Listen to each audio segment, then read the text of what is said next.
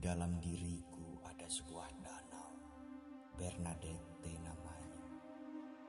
Sebuah danau di tengah hutan yang rimbun dan kelam oleh kerinduan. Tiap hari, sekawanan belibis mandi, bulu-bulunya putih, bagai gaun